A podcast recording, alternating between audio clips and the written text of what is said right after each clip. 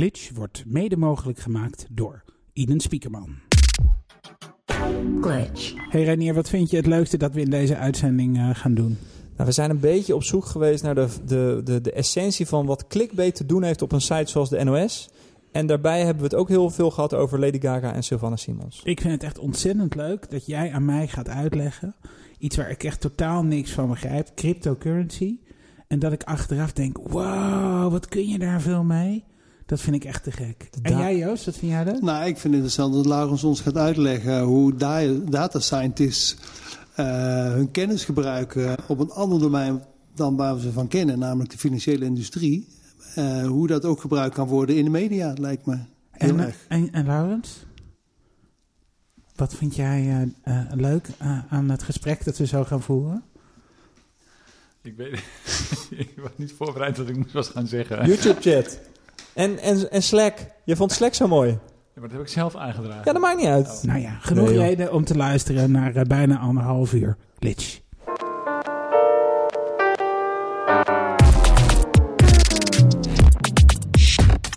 Glitch. Dit is Glitch, een podcast over de interactie tussen mens en machine. Vandaag praten Joost Renier en ik met Laurens de Knijf. Laurens werkt voor de data startup Clever Lions. En Clever Lions adviseert redactionele organisaties over het gebruik van analytics en big data. En daarnaast werkt Laurens als product owner met het Clever Lions ontwikkelteam heel hard aan hun eigen product Smart Octo. En eerder was hij projectmanager bij het roemruchte VPRO Digitaal team. En je bent ook een van de drijvende krachten achter het Seriegenootschap, een exclusieve community van liefhebbers van dramaseries. Nou, welkom. Dankjewel. Ja, Ik verstond dik data. Ja. dik, dik data. Ja, dik data. Dan gaan we Ja. straks, ik denk dat er een hele, hele grote markt voor is. eh. straks eh, gaan we met je uitgebreid praten over waarom big data zo'n hype is. Maar eerst ben ik benieuwd eh, wat eh, eh, jullie allemaal is opgevallen in de afgelopen drie, vier weken dat we helemaal niks aan glitch gedaan hebben. Nee joh, langer. Oh. Half maart zaten we in Saba Southwest. Niet. Wat is het nu dan? Nou, half mei, eind Oeh, mei. Ja, oké, goed. Twee maanden niet. Nee, maar het leek ons een leuk idee om eh glitch een vervolg te geven eh, in een net iets andere setting met eh, elke keer een andere gast. Dus, eh, maar eh, wat is je opgevallen in de afgelopen drie weken, Joost? Nou, ik heb een leuke eh, eh, ontwikkeling gezien, ook met big data. Pre-market platforms, big data gebruiken om potentiële eh, marktbehoeften in kaart te brengen. En, daar, en bedrijven die daar een, een start-ups rond bouwen en proberen eh daar met, eh, markt uit, werk uit te genereren. En, en, Ken en- idee is, is dan Walmart die voorspelt of iemand zwanger is. Dat is een bekend voorbeeld. Een eh, meisje wat wordt benaderd en zwanger is en de familie weet het niet. Dat gebeurt door allerlei data die rondzweeft in de organisatie. In dit geval ging het om geur. Voorbeeld wat ik zag is een bedrijf wat eh, voorspelt of je je huis wil verkopen. Nog voordat, eh, je je daadwerkelijk, weet. voordat je zelf weet.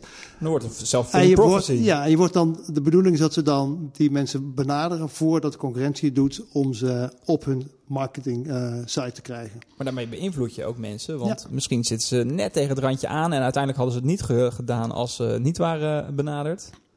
Zou Oh, weer ja. tricky dit. Hey, eh, ken je dat voorbeeld, eh, Laurens? Heb je er wel eens van gehoord? Ja, dat is een heel bekend voorbeeld inderdaad. Uit Ja? de datawereld. Ook, ook die van de, de huizenmarkt. Ja, die heb, Ja, ik, die heb ja. ik wel eens langs gekomen. Ik weet niet waar dat precies vandaan komt, welke case dat was. Dit was van Triple Mint. Ken je dat?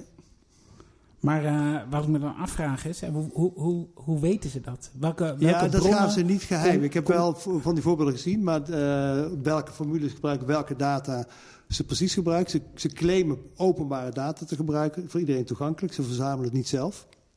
Maar ik kan me niet voorstellen dat dat ook niet deels wordt ingekocht. Maar ja, het recept van hoe je, hoe je daar aankomt en hoe je de analyse maakt, dat is precies natuurlijk het, eh, het hele businessmodel. Ja. Maar wel heel interessant. Ja. En dit was dan een start-up, eh, eh, waardoor je eigenlijk, eh, zonder dat je al die kennis in huis had, gelijk kon beginnen. Je kon hun als ja, een soort... het idee was, nou, volgens mij bestond het platform wel, maar was een kleine speler. Maar ze wilden ook voor de concurrentie de markt gewoon afgrazen. En het is natuurlijk een manier om eerder te zijn dan concurrenten en iedereen eh, naar jou, eh, naar jouw business, naar jouw site te krijgen. Interessant. Ik heb wel zo'n eh, vergelijkbare case gehoord over ehm, ehm, mensen die via uit social media kunnen halen ehm, waar er vacatures zijn. Hè, dus je, je speurt eh, social media af naar ik heb een nieuwe baan. Dat betekent dus dat er een andere baan vrijkomt. En daar, eh, dan, dan weet je dat eigenlijk al voordat de vacature Ja. online staat. Oh ja. Ja, is dat is interessant. misschien- Nou, is je gewoon in de gaten waar mensen allemaal droevig zijn omdat ze hun baan verloren hebben. En dan weet je dat, nou daar eh, waar die eerst zat, daar komt een plekje eh, vrij. Er is een plekje vrij. Niet per se. Het gaat ook over eh, tweets van joehoe, nieuwe baan.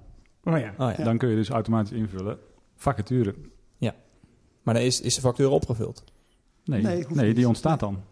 Nee, ik, Oh, zo. Ja, omdat je ergens weggaat. Ja, net, ja. Zo zou je ook Ja. met huizen. Ja. Eh, Ja. Iemand Ja, die zegt ja. van, jippie, ik heb een huis gevonden. Ja. Die laat dus ook iets achter. Ja.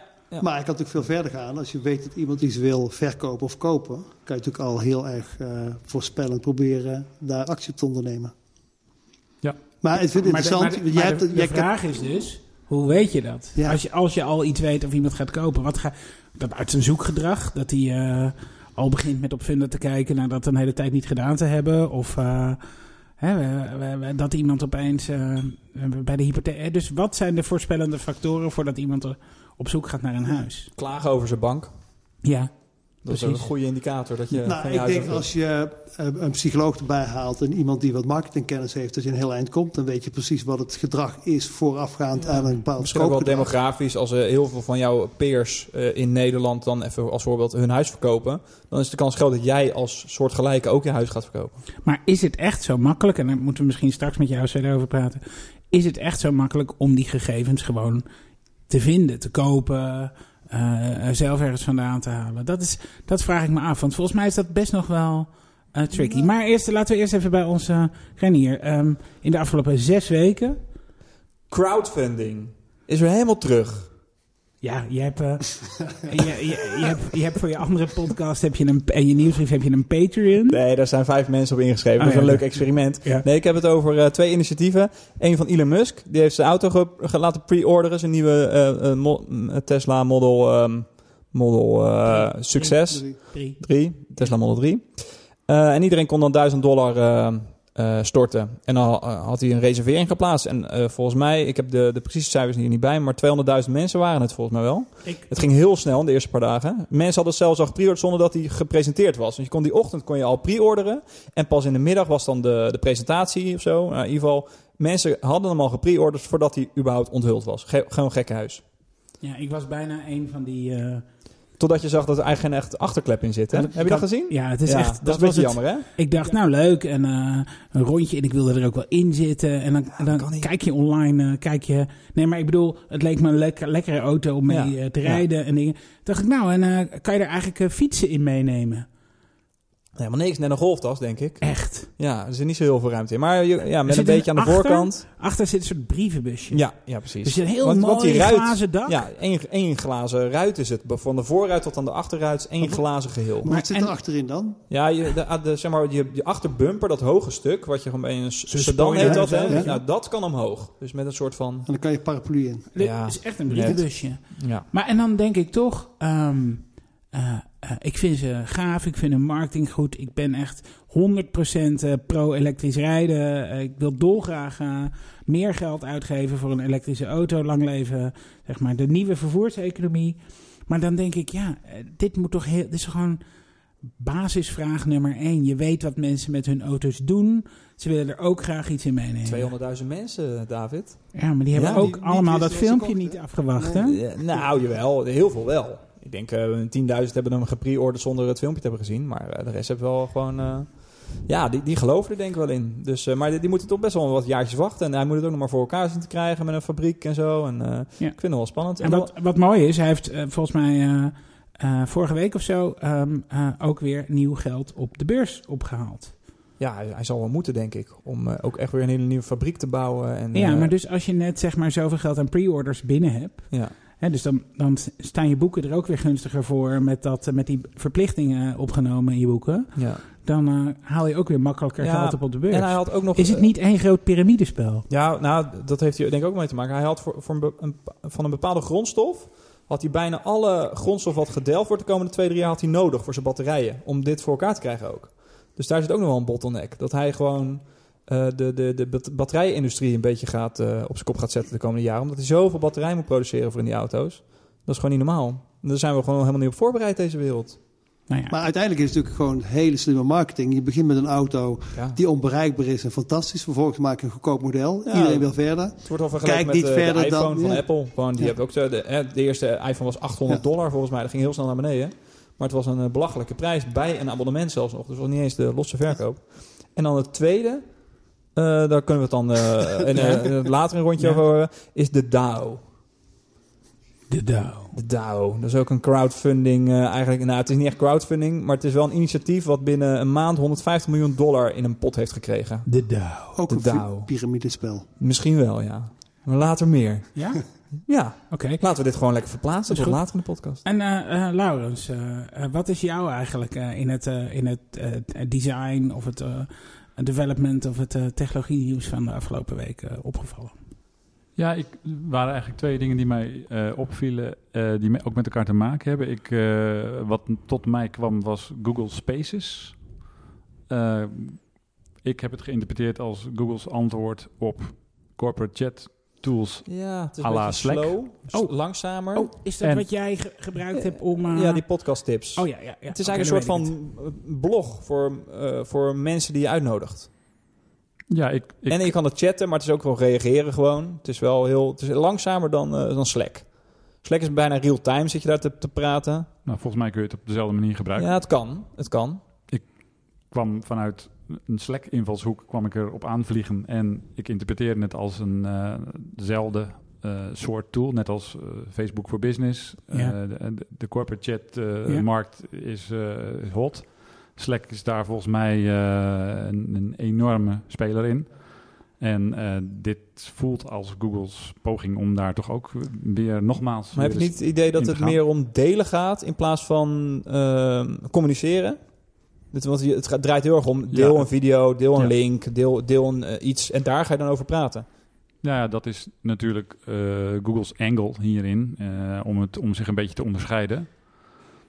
Maar ja, als je ernaar kijkt vanuit de corporate chat hoek, dan, dan is het toch echt wel een poging om, eh, om iets van Slack af te snoepen. Ja. En tegelijkertijd bereikte mij eh, signalen eh, van een zekere Slack-moeheid in eh, de techwereld. Ja, ja, ja, ja, ja. Ik zag een post van Agile Bits, van de makers van One Password. We zijn ermee gestopt. En eh, ook nog van Motherboard, Vice, die een hele grote blogpost schreven over waarom ze gestopt zijn met Slack. Vond ik heel interessant. Ben je, ben je, zijn jullie met Clever Lines enthousiaste eh Slack-gebruikers? Ja, dat is onze lifeline. Ja. Dat is ons virtuele kantoor. ja. We zien elkaar één keer in de week en de rest zien we elkaar op Slack. Ja. Ja, het voelt niet als een, eh, een monster dat we moeten voeden. Eh, die indruk kreeg ik wel eh, als ik die blogpost las van Motherboard. Wat zij zeiden is dat het eh, eigenlijk cannibaliseert op hun blogging.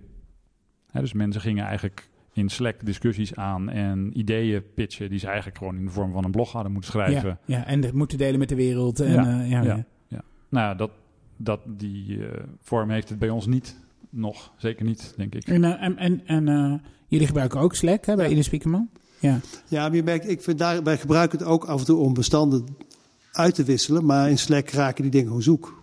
Het is gewoon, ik zou daar behoefte hebben om eh, bestanden terug te vinden en een discussie rondom een bestand. Dus echt, zeg maar, of een, een onderwerp, dat je een draad kan maken rondom een onderwerp, om dat uit te bouwen. En in Slack moet je meteen een community maken en je op een gegeven moment verzuip je in al. Maar dat is wat eh, groepen. Dropbox nu weer aanbiedt eh, rondom bestanden. Hè? Dat je eh, notities Ja. en annotaties en versies met opmerkingen in Dropbox kan doen.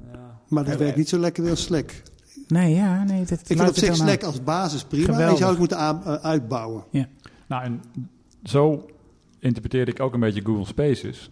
Ik had ook het idee, is dit niet de missing link van Google Drive? Google Drive is eh, fijn voor het delen van bestanden, maar ik weet nooit wanneer er iets wordt gedeeld of iets wordt aangepast. Er is het ontbeert notificatie. En zou je dat dan nu opgelost En hebben? is dat niet dit de communicatielaag over Google Drive? Dus hebben we even wat zitten experimenteren met vrienden van even wat Drive-documentjes delen in Spaces. Maar er gebeurde niks. Nou ja. Eh, Niks wat wij misten. En omgekeerd, je kan niet Spaces weer in Drive koppelen. Nee. Nee, het gaat niet helemaal automatisch. Het zijn al twee verschillende platformen. Nou, en het werd nog iets verwarrender, omdat ik daarna ook eh, het nieuws bereikte dat YouTube een chatfunctie gaat eh, invoeren. De- ik denk dat het een hele slimme set is van Google. Is het dan bij live video? Of gewoon echt bij alle video's die nu op YouTube staan, kan je live chatten? Ja, dat Oké. laatste. Apart. Ehm, ik eh, vond eh, eh, van Google I.O. en de omgeving daarvan de Google Camera nog wel leuk. Ik weet niet of jullie die meegekregen hebben. Dat is niet een camera voor thuis. Maar dat is een ultra hoge resolutiecamera die Google heeft ontwikkeld om kunst in musea over de hele wereld vast te leggen. Dat hebben ze al een aantal jaar doen ze dat. Dus een soort Google Art Collection die je kan bekijken. Maar eh, dat hebben ze nu eh, tot een eh, product gemaakt. En als je museum bent, zeg je: Hey Google, doe maar even je camera. En dan leggen we even onze kunstwerken vast. Dat is natuurlijk gratis aan. Ja. En dan geef, teken je wel een contract dat alle kunst in Google doorzoekbaar is. ja, alle boeken, alle kunst. Maar daar waren musea toch ook wel heel erg mee bezig. Met alle schilderijen fotograferen. En dan moeten ze nu alweer alles uit de Eh, kast Denk maar aan Rijk, Rijks, Rijksstudio van het Rijksmuseum. Ja, ja. Maar eh, dat kan alleen met eh, de kunst waarvan de rechten verlopen zijn. Zo is het. Ja, maar ook het digitaliseren doen heel veel musea. Gewoon eh, om in hun eigen archief op te slaan. Dat ze het in ieder geval bewaard hebben, de kunst, hoe het eruit ziet. En als het dan een keer in de fik vliegt of eh, vergaat, dan hebben ze nog een kopie. Maar ja, dat, dat, is nog, dat blijft steeds een race. Want nu moeten ze inderdaad met een nog hogere resolutiecamera... zul je alles uit de kast gaan halen.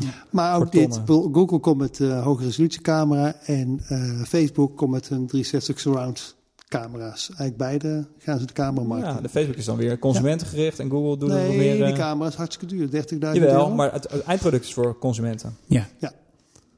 De, ja, de kunst ook maar de misschien wel. eindproductenkunst is... Ja, precies. Ja, voor de nobelen.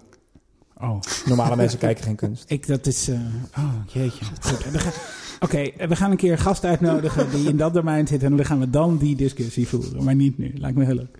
Oké, en eh, eh, in het kader van vandaag, en dan gaan we eens, verder met Laurens, ehm, kwam ik een hele leuke conversatie over data tegen. Ehm, twee dames die ook in de kunst zitten en in de datavisualisering, die heel analoog elkaar om de beurt een briefkaartje stuurden, waarin ze handgeplot eh, op basis van eh, data uit hun persoonlijke leven, hoeveel boterhammen ze gegeten hadden of eh, hoe vaak ze boodschappen gedaan hadden die week, visualiseringen naar elkaar stuurden met een verhaaltje erbij. En, ehm, en dat zag er zo ontzettend leuk uit en dat was zo'n leuke conversatie geworden dat ik denk, ja, het hoeft dus niet allemaal in bits en bytes te gebeuren. En het was ook een mooi commentaar op hoe we nu tegen data aankijken. Ik zal het in de show notes zetten, want het is natuurlijk, je moet het eigenlijk zien. Laurens. Ja. Ehm, Clever Lions. Kun je er iets over vertellen? Ja, we zijn een heel jong bedrijf. We, staan, we bestaan pas eh, twee jaar. En eh, we, zijn in de, we zijn een start-up eh, in de zin van dat we een, een technologieproduct maken. Eh, we maken een soort eh, redactioneel dashboard. Eh, en daarnaast zijn we ook een consultancyclub. Dus we helpen bedrijven ook, we helpen redacties om inderdaad, zoals je heel mooi in het intro al zei, mooier kan ik het niet zeggen. Maar we, we helpen redacties, we helpen media om beter te werken. En dat doen we door middel van data. En ehm, ga ik toch heel even. Waarom is data nu opeens zo'n ding? Ik stel gewoon even heel plat de overkoepelende vraag. Maar waarom nu dan? Nou, eh, dat is het al een tijdje, denk ik. En in, eh, in, in de Gartner Hype Cycle zitten we al, eh, zitten we al heel ver eigenlijk. Zit, Ja. zit al- precies. Dus, al, dus een hype is het zeker niet meer. En we zitten juist nu, denk ik, in de fase waarin het echt toegepast gaat worden. En de beschikbaarheid gewoon maximaal is. En De beschikbaarheid van wat? van de data, van verschillende data. Ja, en ook het combineren ervan en met, in combinatie met de techniek, die nu eh, heel makkelijk eh, open source uit de kast te trekken is en neer te zetten. In combinatie met de opslag, die super goedkoop is. Eh, Amazon die speelt daar een enorme grote rol in. En ehm, ik denk dat de, de tijd er nu rijp voor is, ook bij in, in de journalistiek, in de media. Daar, daar merk je wel echt dat daar nu eh, een ur- urgentie heerst over, ja, we zijn heel lang op ons gevoel afgegaan, maar er is ook data waar we naar kunnen kijken. En ja, daar moeten we toch wel wat mee. En wat is dan, eh, hè, want web analytics zijn er al heel lang, zou ik maar zeggen. Dus in het online deel van media kun je natuurlijk achteraf best wel goed zien hoe in de tijd, weet ik veel wat, een bericht, een post of een video gescoord heeft. Ik neem aan dat jullie meer doen dan dat. Of eh, Ja, want dat is er al en dat, Precies. dat was er al heel lang natuurlijk.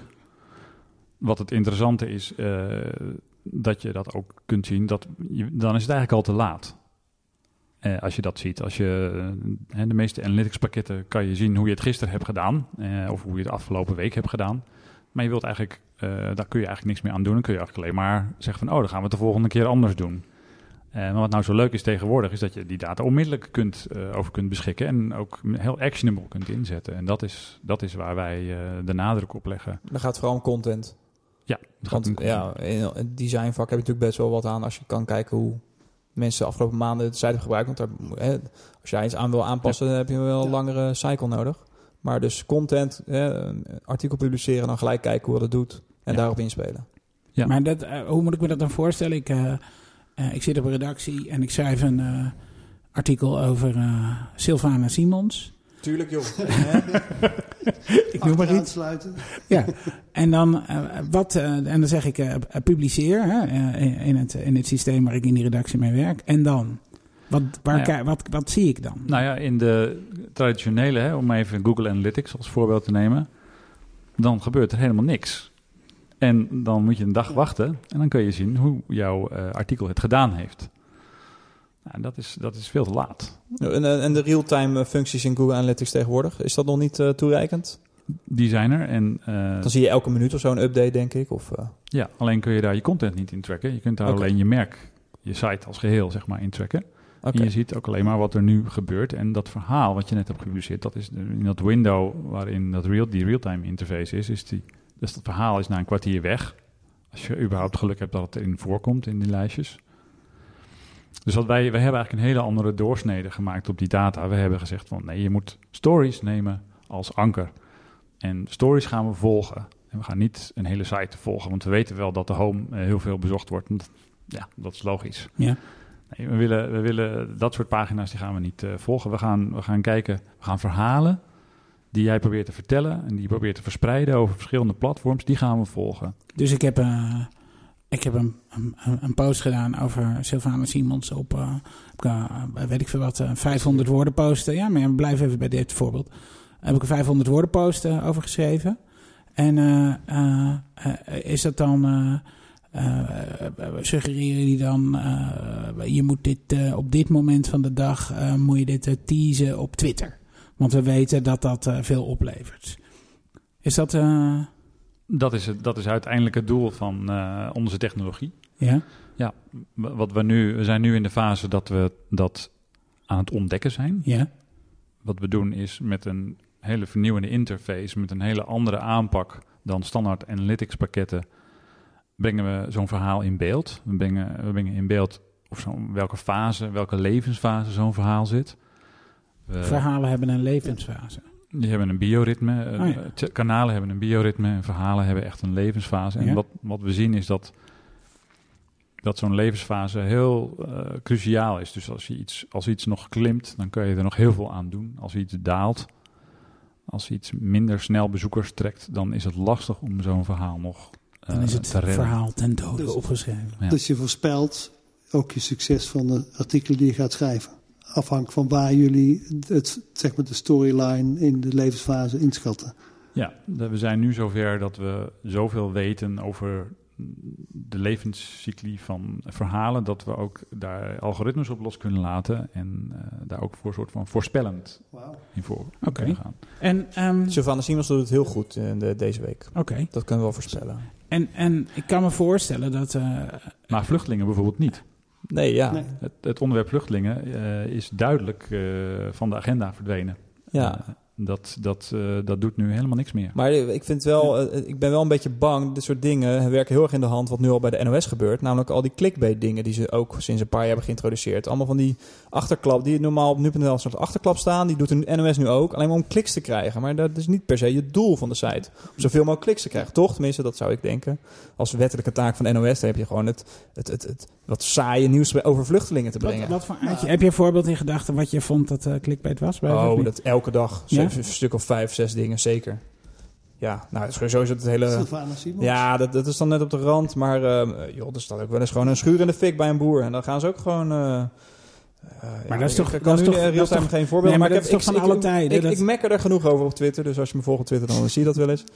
Maar eh, nee, nou, weet ik niet. Nee, voor mijn gevoel was de NOS toen ze... Ik, ik kende zij nog toen het in 2007 Ja. echt nog een scheiding was tussen Studio Sport en NOS Journaal website. Toen had je dat soort dingen echt niet op de NOS Journaal website. Dat is echt wel van later gekomen. En ook, eh, ja, dus... En, en ik heb wel echt het idee dat ze dat doen om meer bezoekers te trekken. Maar ja, is dat dan je doel per se als... NOS? Ik heb neem nu het NOS als voorbeeld hoor. Want voor heel veel sites is het wel het doel. Want daar hebben ze gewoon te maken met advertentieinkomsten. En, maar ik, ja, dat, En, eh, heb je, en misschien heb je dat soort eh eh, BuzzFeed-achtige lokkertjes nodig om mensen bij je binnen te krijgen. Ja. Die vervolgens acht artikelen lezen, waardoor je... Maar daar geloof ik niet in, want mensen klikken op een link en ze gaan weer terug naar Facebook, want daar was het ook zo gezellig. Is- dat Dus ze- ze lezen één ding en om ze vast te houden is ook weer zo'n dark pattern. Dat is niet, niet per se de best interest van de, de persoon die het leest. Is dat nou het wel goed voor je merk erg- om je, je helemaal, hem- helemaal er vol in te duiken om mensen over te halen. Oh, blijf, klik nog alsjeblieft op één artikel bij ons. En dan, ja, dat is ook gewoon super vervelend. Maar het is, het is eh, wel heel erg eh eh, broadcasten denken van vroeger. Ja, maar Want ook het is de- korte termijn Het is de sandwich-formule. Eh, we doen eh, platte comedy met André van Duin. Want dan kunnen we daarna weer een eh, stichtelijk verantwoorde documentaire over moderne kunsten uitzenden. En dan blijft een heel klein deel van die mensen hebben dan toch opgevoed. Maar Ja, kunnen jullie op, techniek ook niet gebruiken om juist een serieus onderwerp wel weer uit de luwte te halen? Ja, ja, heb je daar Want voorbeelden dan van hoef je niet die gezien? platte technieken te Maar gebruiken. dat is leuk. Dat vraagt dus dat je eh, ook een mening hebt over welke eh, eh, onderwerpen en welke stories je Ja, dus- extra ja. veel In je kop zet je. Sylvana Simons heeft een mening over vluchtelingen. En dan klikt ineens toch iedereen op dat vluchtelingenverhaal. Ja, dat is een heel interessant eh, voorbeeld van Werkt het zo? eh, dat er Amerikaans, dus een Amerikaans bedrijf in eh, landbouwgoederen, die ooit een content marketing strategie is begonnen door het noemen van een bekende Amerikaan in de kop. Dus Lady Gaga not using our tractor. Ja, daar zou ik dan op klikken. En? Nou ja, wat bleek eh, bij de analyse van het bezoek, het, eh, het ging niet eerst natuurlijk fantastisch, want ze kwamen heel goed in Google. Onder Lady Gaga kwam er enorm veel eh, eh, organic verkeer naar ze toe. Maar het bleek uiteindelijk dat eh, dat allemaal eh, bounces waren. Ja, Ja. En de boeren die wel geïnteresseerd waren in eh, Ja, die, die- dat model tractor, die voelden zich totaal niet aangesproken bij Ja. het woord Lady Gaga. Ik noem maar even wat. En ja. Ja. Nee, dus dat, maar dat bedoel dat ik dus ook. Dus het Dus gaat ook de- om wat voor soort mensen je daarmee Precies, trekt. Dus een aantal kliks zegt natuurlijk niks. Nee, maar ik ben het helemaal met je eens. De, wij, wij komen daar dagelijks mee in aanraking. Media worstelen daar enorm mee. En dat, ze sturen niet op de goede metrics. Eh, en je kunt je afvragen, en, en ze zitten ook in een enorme spagaat. Eh, hun inkomsten zijn wel afhankelijk van pageviews. Ja. Maar je ziet een enorme ontwikkeling in de afgelopen jaren. En mede ook gestuurd vanuit BuzzFeed zelfs. Naar eh, de, de makkelijkst te meten metrics. Die zeggen het minst. Ja. En waar je naartoe moet is Ja. niet interactie meten, maar naar consumptie. En BuzzFeed is daar eh, zelfs... Dus eh, eh, je bedoelt niet hoeveel heb ik aangeklikt, maar hoe lang heb ik in een artikel zitten lezen? Of hoe diep ben ik in een video gekomen? Ja. Of, eh, ja, Is het ook de truc wat de New York Times toepast? Voor mij is dat de New York Times. Dan begin je een artikel te lezen en dan heb je altijd nog het knopje eh, read more. En ik van ja, voor mij is het alleen maar om mij te Te tracken of ik wel echt doorlees. technische... Ja, Ja, het want is het gewoon... is helemaal niet Ja. nodig. Ik kan En gewoon doorlezen natuurlijk, zonder knopje. Heel veel. Ja, eh, ik vind ja. het ergens vervelend. Maar ik ben dan nog iemand die het snapt waarom ze dat doen. Maar toch vind ik het... ja, toch gebruik ik je pesten. Nou, of het is iets anders. Hoor. Meet Jij- gewoon tot hoeveel nou, ik kan me nog een ander eh, argument voorstellen. Je hebt een actie gedaan om meer te lezen, waardoor je ook meer gaat lezen. Je hebt daar bewust voor gekozen. Ik dacht dat het een mechanisme was Ja. om dan een nieuwe pagina te serveren, waardoor je een nieuwe ad kan. eh, Nee, nee, want hij klapt gewoon uit bij de... ah, ja. Dat is die truc met die paginering, hè? dat je onderaan Ja, eh, ja, naar pagina 2 vervelend. moet. Ja. Ja. Dat vind ik wel echt een heel veel. Dat is Ja. niet in het belang van de gebruiker volgens Nee. mij. Nee. Nee. Nou, ik, ik, eh, ik vergelijk het altijd met een restaurant. Je, je, bent een, je bent een restaurant en er lopen mensen langs. Dat zijn eh, unieke bezoekers, zou ik maar even zijn bounces. Ja, maar die kun je tellen, maar dat is niet interessant. Er zijn mensen die komen je restaurant binnen. Ja. Eh, dat is- leuk. Eh, en er zijn mensen die bestellen eten, hè, die, die klikken een pagina. Dat is wat we nu heel veel meten. Wat je eigenlijk eh, het liefste wil meten, is hebben ze het opgegeten? Ja. Dat is, dat is eigenlijk veel belangrijker. En ik denk als kok wil je daarna nog weten, vonden ze het lekker? ja, en komen ze terug nog een keer. En raden ze dan hun vrienden commercieel aan. wil je de tickethoogte weten. Hoeveel hebben ze besteld? En, en hebben ze het opgegeten? Ja. En dan ga je er wel heel erg vanuit dat het restaurant de functie vervult van eh, mensen te eten geven. Is het niet veel belangrijker of ze een leuke avond gehad hebben, of ze succes hadden bij hun date, hè, of iemand gescoord. Ja, Ja, dat, hoor, dat kan. Ja. Want ja, eh, hebben ze hun eten opgegeten? Dat vind ik. eh, dat me niet. Hebben ze betaald? Hebben ze fooi gegeven? Ja, dat, dan gaat de vergelijking met media alleen weer een beetje lang. Oké, daar, sorry, sorry. Nou, rustig het gaat om beoordeling. Hè? Die voor je geeft aan hoe tevreden je bent. Maar is dat op een of andere manier nog met media te meten? Of iemand... eh, Ja, ik denk. eh, hè, dus, dus vond iemand het lekker. Dat wordt meestal engagement genoemd. Ehm, en ik zou zelf ook nog wel een soort van. Je zou ook nog een soort van waarde metrics kunnen definiëren. Dus een rating. ehm, eh, een meer, nog iets meer, een- nog, meer waardeoordelen, metrics, die, die kun, je zeker ook, eh, kun je zeker ook meten. Was het, was het zo lekker dat hij zijn vrienden het ging aanraden? Ga daar ook eens eten. Ja. ja. Ja. En dus, eh, hoe, dan ben je... Oké, dus dan ben je een volwassen mediaorganisatie. Dan snap je dat. En dan? Dan heb je nog steeds een groot probleem. Want eh eh, eh, degene die het bonnetje oppakken... die zitten nog aan de andere kant... wij willen bereik. Doe ons maar zoveel mogelijk banners serveren... of laat die commercial maar aan zoveel mogelijk mensen zien. Of, dat gaat toch heel erg op bereik. Ja, wat je eigenlijk als adverteerder ook niet moet willen, denk ik. Ik bedoel, ja, wie, wie heeft er geklikt op mijn banner? Daar, word je, daar moet je ook nog heel veel geld voor betalen. En dat is ook nog eens een keer 0,05% geloof ik gemiddeld. Eh, ja, ik zou daar ook niet eh, per se heel erg blij van worden als, eh, als adverteerder. Nee, er zijn ook allemaal clickfarms in eh, China en India. Ja. Het is allemaal nog eh, opgeblazen ook, al die Nou, daar, de, de, de, de grote NX-partijen hebben daar wel weer detectie voor. Zeker. Dat, dat is hun eh, core business. Maar, Maar- we- laten we 9 van de 10 eh, banners eh, die ik zie, eh, is omdat ik iets in mijn eh, mandje bij, laten we ze even Coolblue Ja. Zalando. Ja. Schoenen bij Zalando die ik net heb gekocht, die krijg ik Ja, nog twee weken later te keer. zien. Ja, Ja. Ja, Booking.com is het niet tijd om weer eens naar het Schwarzwald te gaan. Denk, daar ben ik al geweest. Nee, maar de- eh, dus eh, eh, in hoeverre interesseert het eh, juist die eh, moderne adverteerders nog? Eh, want het enige wat ze willen is jou reminden aan een relatie die ze al met je hebben. Dus eh, zeker online is dat best wel een, een ding. En ik, ik zag ook al dat dat nu in videovorm eh, voor de. YouTube-filmpjes is ook al allemaal gere- geretarget programmatic advertising, zoals het dan zo netjes heet. Maar is dat bewust of is het gewoon gebrek aan intelligentie om jou een advertentie te serveren die jij wel interessant vindt? Nou, het is een advertentie waarvan het meetbaar is dat als je hem doet, dat een x-percentage daarvan vervolgens op jouw site komt, wat je kan trekken, waarvan je vervolgens kan zien of ze inderdaad spullen bij je kopen, wat gewoon hartstikke echt. Dus het is Maar het, Het is dom- rechtstreeks naar conversie te herleiden. Maar terug even naar Ja. de positie van eh, eh, dat mediabedrijf. Dus dan, je adverteerder eh, snapt het niet of boeit het niet.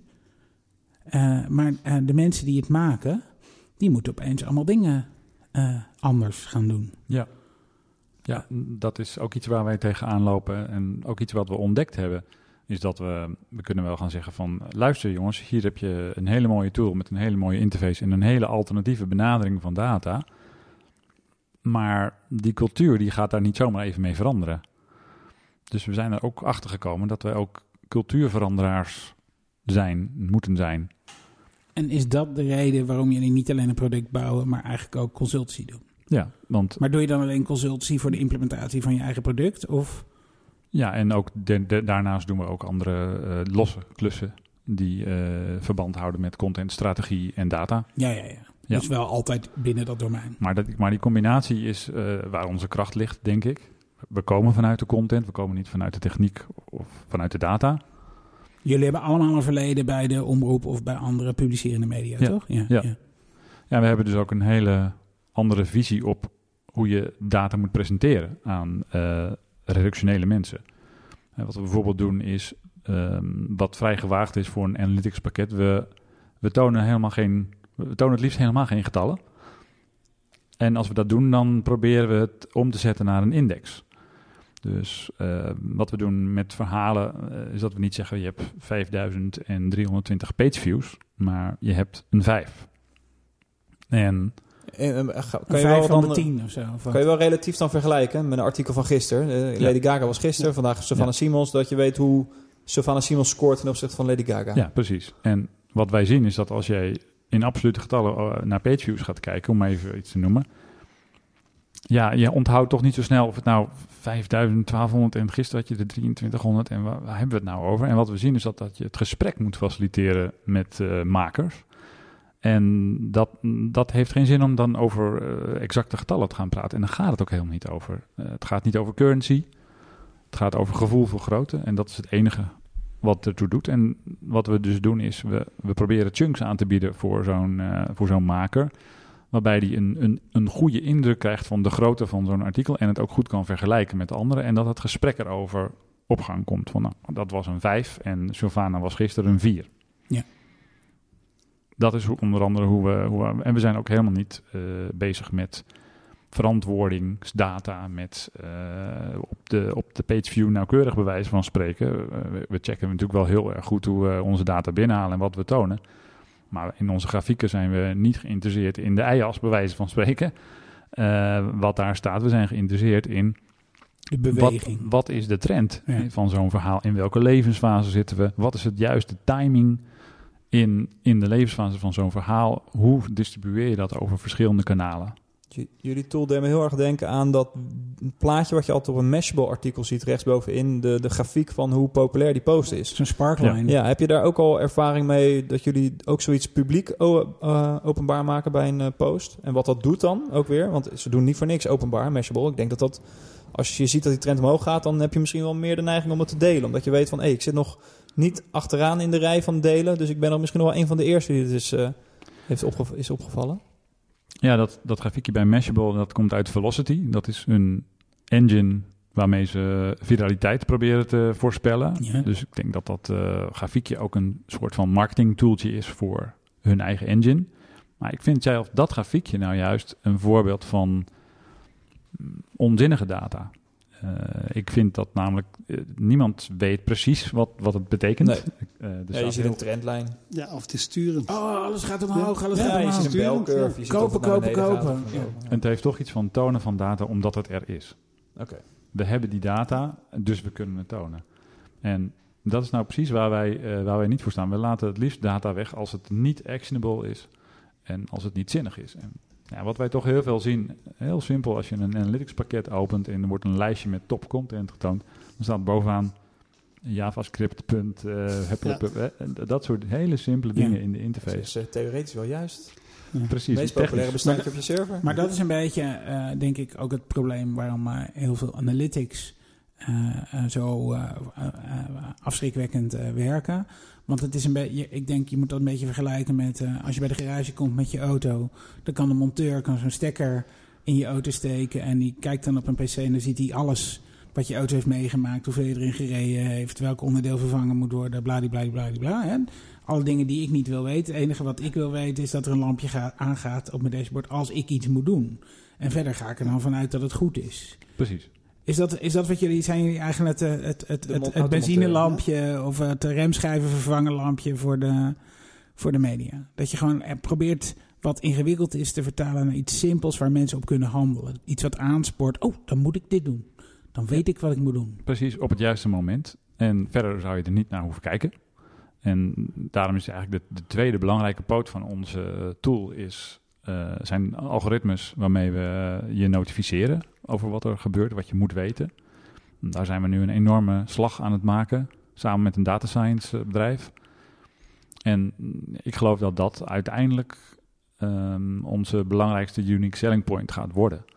Dat je dus niet de hele tijd met een schuin oog op een soort dashboard moet kijken, maar dat op het moment dat er iets gebeurt... in Slack. Ja, die notificaties dat komen naar je toe in Slack. Stadsbot. We hebben, we hebben een Slack-bot die nu notificaties naar je, naar je Slack-kanaal kan sturen. En die zegt bijvoorbeeld gewoon van... hey, er eh, is hier een eh, verhaal eh, waar enorm veel verkeer van geen stijl binnenkomt. Check it out. Eh, we, hebben, we hebben algoritmes draaien die detecteren of er heel, in heel vroeg stadium veel Facebook-verkeer komt. Terwijl je zelf nog helemaal niets op Facebook hebt gezet. En waar wijst dat dan op? Dat, Dat- iemand het heeft opgepikt en... eh, Dat wijst op, een- dat is een indicator voor viraliteit. ja, ja.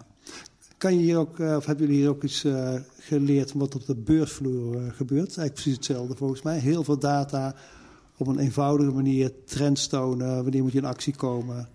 Ja, het, dat data science bedrijf waar wij mee werken, Ortec, komt ook uit die hoek. Dus eh, zij zeggen zelf ook van, ja hoor, dat snappen we wel, want dat werkt net als Ja. met beurskoersen en aandelen. Hey, en ehm, Het was een mooi bruggetje naar eh, cryptocurrencies.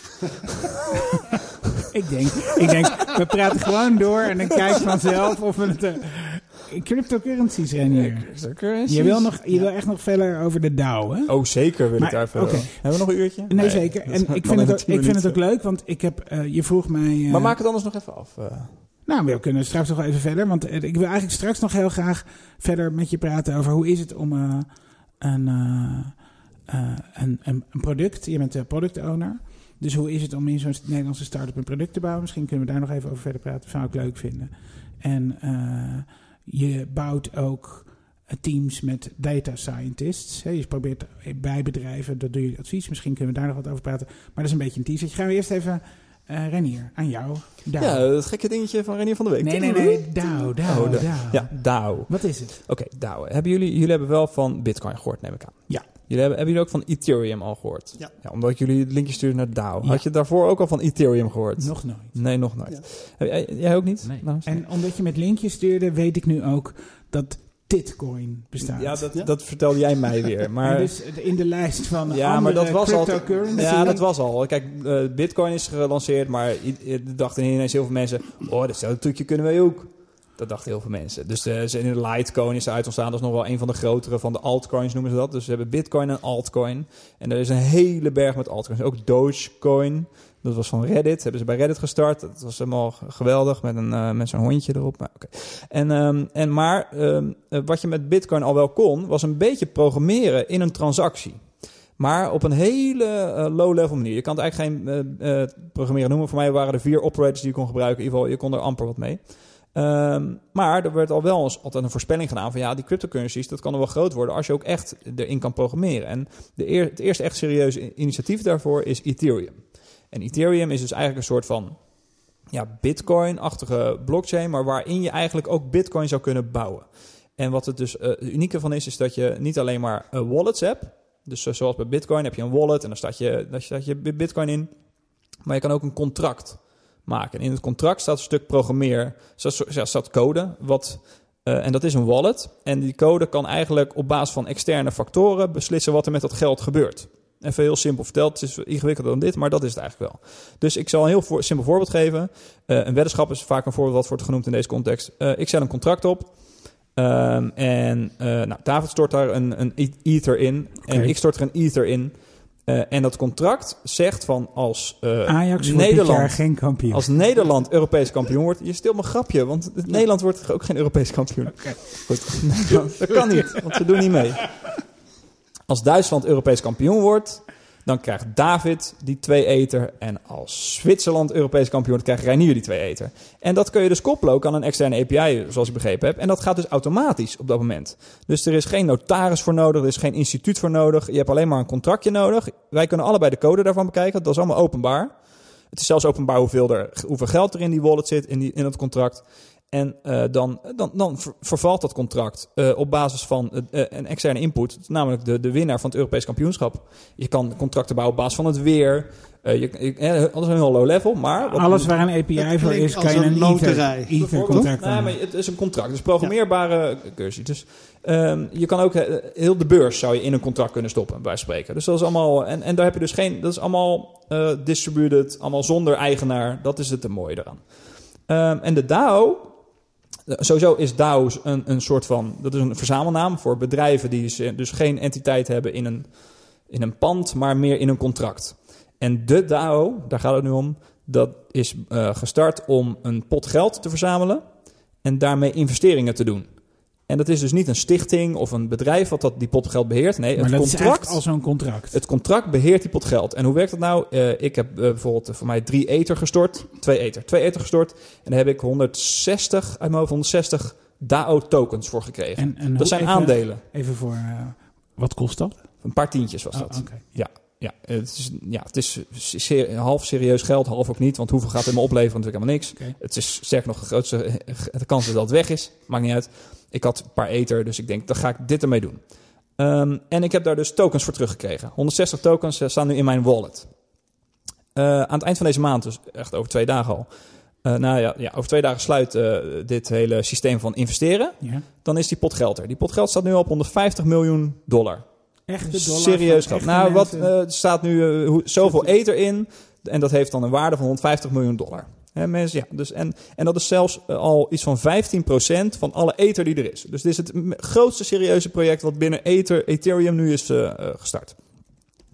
Ehm, en ik heb daar dus tokens voor gekregen. En uiteindelijk kun je proposals indienen aan het contract. Ik weet niet precies hoe dat gaat, maar dan moet je ook waarschijnlijk gewoon via de, de Ethereum wallet doen. En dan kunnen alle aandeelhouders kunnen beslissen of daarin geïnvesteerd wordt of niet. Oké. En, nog, En, dan, en als, het, als iedereen dus meer dan 5% heeft ja gezegd, dan geeft het contract gewoon letterlijk eh, Ether, dus eh, digitale currency, aan een andere wallet. En daarmee is het afgehandeld. Oké. En eh, nog wel even, weet je dan ook hoe, hoe gaan eh, al die aandeelhouders met elkaar overleggen? Dus hoe, hoe laat je weten, ja, ik Nou, ik denk eh, dat er een soort vervaldatum is per een proposal. En voor die tijd moet je je stem hebben ingedeeld. Maar voor de rest gebeurt het gewoon openbaar. Dus eh, als het echt een heel groot initiatief is, dan kun je zelfs, eh, weet ik veel, denken aan een symposium erover. Of, of, en kleinere initiatieven zullen via blogposts worden afgehandeld. Of er wordt een Slack-kanaal opgericht om mensen stemmen te ronselen. Nou, dat gaat allemaal gebeuren. En hoe, en hoe transparant is die code? Ja, die is gewoon openbaar. Dus, maar dat, dat is nog En- steeds het gevaar wat ze zeggen. Ja, er kan een bug in zitten. Dit is het eerste initiatief. Maar ja, Ja.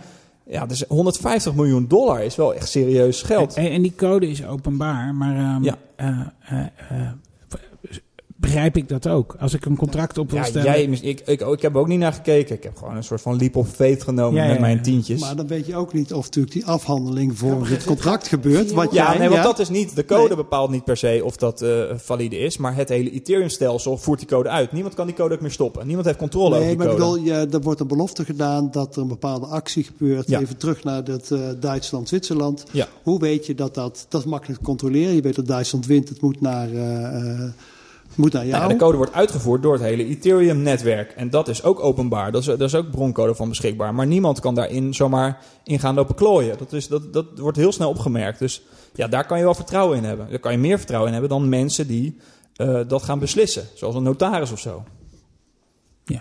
Dus, dus wij hebben in het Westen hebben we daar misschien niet zoveel probleem mee met een notaris. Maar er zijn heel Nee, veel nou- landen waar heel veel corruptie is. Waar dit soort dingen best wel een uitkomst zou kunnen zijn. Je zou ook gewoon een hypotheek kunnen krijgen uit de, de Ethereum. Want je kan eh, gewoon geld inzamelen. En zodra er bijvoorbeeld eh, twee ton is bereikt. Dan pas keert het uit aan jou. En dan heb je een contract met de mensen die jou hebben geïnvesteerd. Hey, en in dat soort dingen kun je allemaal in, doen. in, in, in dat DAO, hè? Ja, ja, je In kan dat- gewoon crowdfunden. Zonder, tussen, DAO jij- zonder middelman. Daar gaat het om, hè? De middelman gaat er weer uit. Is er een soort, eh, eh, zijn er een soort spelregels afgesproken over eh, waar dat geld dan wel of niet in geïnvesteerd kan worden? Of kan nu Nee, nee de, de, de oprichter heeft wel een soort richtlijnen neergezet. Maar hij geeft ook aan van ja, het is maar net waar de grote, eh, grote gemene delen naartoe gaat. Als iedereen zegt we gaan het in porno investeren, ja, dan gaat het naar porno. Als we iedereen zeggen we gaan het aan, in Sylvana Simons geven, dan gaat het naar Sylvana Simons. Dan zit ze met 150 miljoen dollar. Ja, dus dat is degene die eh, het meest sexy verhaal. eh, Ja, maar dat is ook nog interessant. Er kunnen alleen maar proposals worden ingestuurd door aandeelhouders. Dus daarom had ik ook zoiets. Ja, ik ga gewoon wel meedoen. Want aan de ene kant kan ik er misschien wat geld mee verdienen. Hè, een paar procent per jaar Maar misschien. je kan ook een voorstel maar je kan ook een indienen. voorstel indienen. Ja, dat kan dan. Oké. En Weegt je stem dan zwaarder als je meer aandelen hebt? Eh, dat denk ik wel, want dat heb ik ook even opgezocht. Dat, dat is namelijk zo leuk. Het is helemaal openbaar, dus de, de hele boekhouding is openbaar. Er is één wallet die heeft f- bijna 5 miljoen dollar geïnvesteerd in die pot.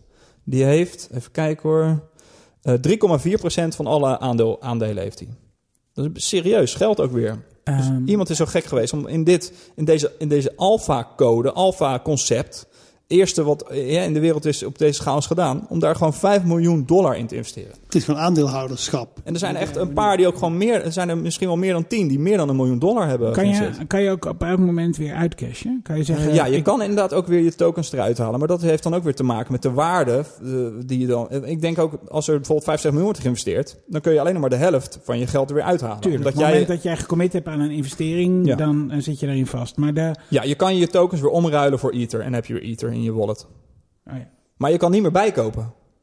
oh, het is net als met... Het is, het is een maand dat je iedereen kan investeren. En voor mij kan je niet meer bijkomen. Misschien kan je wel je tokens weer verkopen aan iemand anders. Dat kan wel. ja, ja, dus dan gaat de, de waarde van de Ja. tokens aan zich gaat dus ook omhoog. Als de Omdat pot schaars geld- is ja, en als ja. er geld in verdiend kan worden. Ja, ook als Ether meer waard wordt... Hè, wordt die pot ook meer waard. Waardoor je tokens ook meer waard worden. Ja. Ja. Klinkt wel als een hele snelle eh investeringsgrafiek. Iedereen kan ook tegelijkertijd uitstappen, paniek. Ja. En het is niks meer waard. En alles flikkert in elkaar. En we krijgen eigenlijk nog drie tranches geld om Ja, ons dat, dat kan. piramidespel. Ja. Ja, daarom het is ook echt een experiment. Maar de, nou, het wordt niet minder waard. Want Ether, er nog steeds evenveel Ether in de markt. Ja, maar je project wordt minder waard. Ja, maar dat is ook. Ja, maar de tokens we krijgen wel weer meer aandeel. Dus je, je, het wordt niet, je tokens worden niet minder waard. Is het niet eh, met al dit soort dingen uiteindelijk... eh, waar vertrouw je meer in? In een Ja. op algoritmes en code gebaseerd systeem? Ja, dit is dus geen algoritme. Dit is gewoon letterlijk code die. Nee, maar ik bedoel... Als je eh, het snapt, doet het niks magisch. Nee, maar ik snap... het is eh, geen zelfrijdende auto. je, Wat, je, je zou zeg maar zo'n investeringsproposal... ja. Dat is eigenlijk een stukje code. Dat zou je een soort investeringsalgoritme kunnen noemen. Nee, nee, want is het is niet zelflerend. Het is gewoon Nee. eenmalig uitgevoerd. Tenminste, niet ik zie het ook eenmalig, meer maar als het een, is. een strikt contract. zijn regels die je waar opstelt. je later niet over kan Ja, discussiëren. het is eigenlijk een contract in code. Ja. Precies. Ja. Het, eh, nou ja, eh, ik vind het... eh, ik, ik, Oké, Maar door, ook Ik door dit eerst- systeem kunnen dacht- ook zelfrijdende auto's bestaan die geen eigenaar hebben, maar die toch geld verdienen. En die met hun verdiende geld naar een garage rijden en daar zichzelf laten repareren.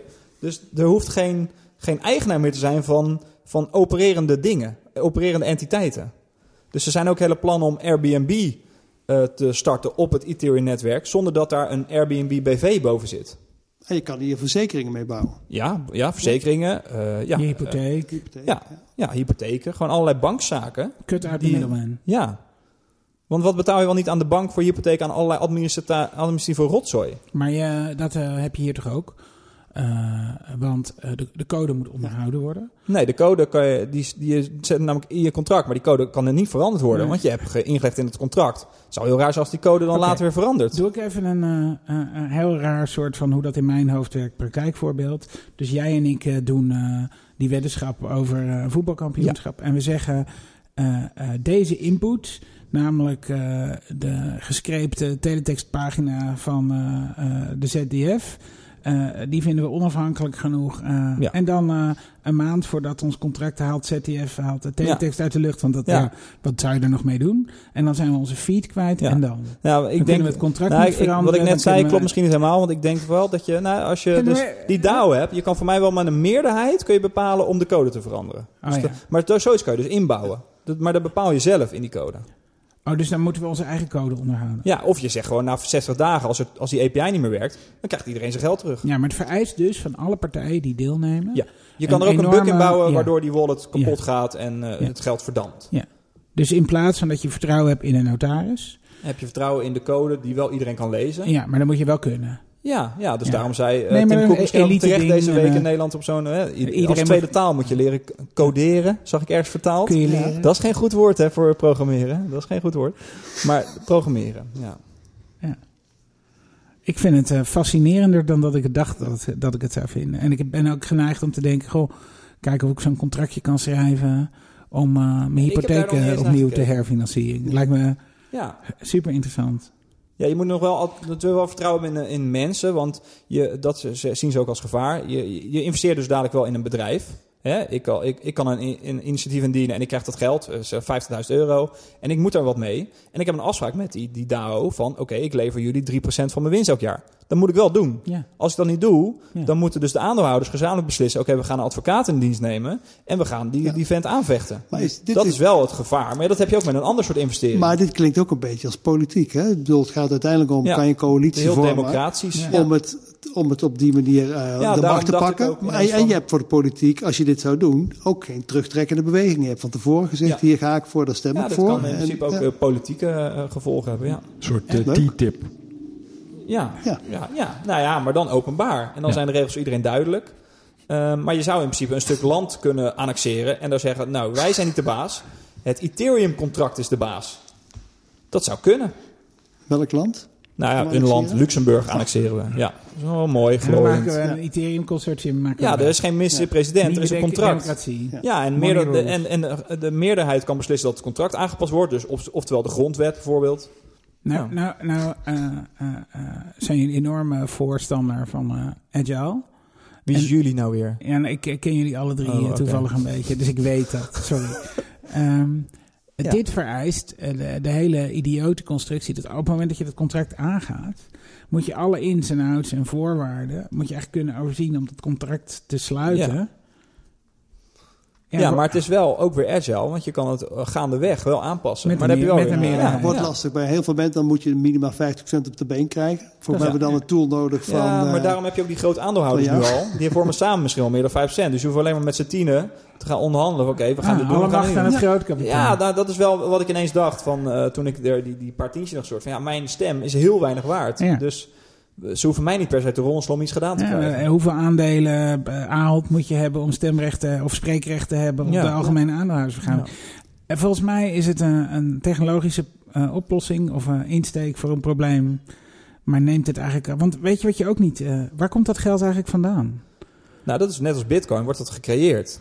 Ja, nee, Nou, maar. geld. het is waar. Het is, heeft een waarde. Jij hebt eh, eh, hard, hard interaction designs en ander werk geleverd. En van dat geld heb je die investering gedaan.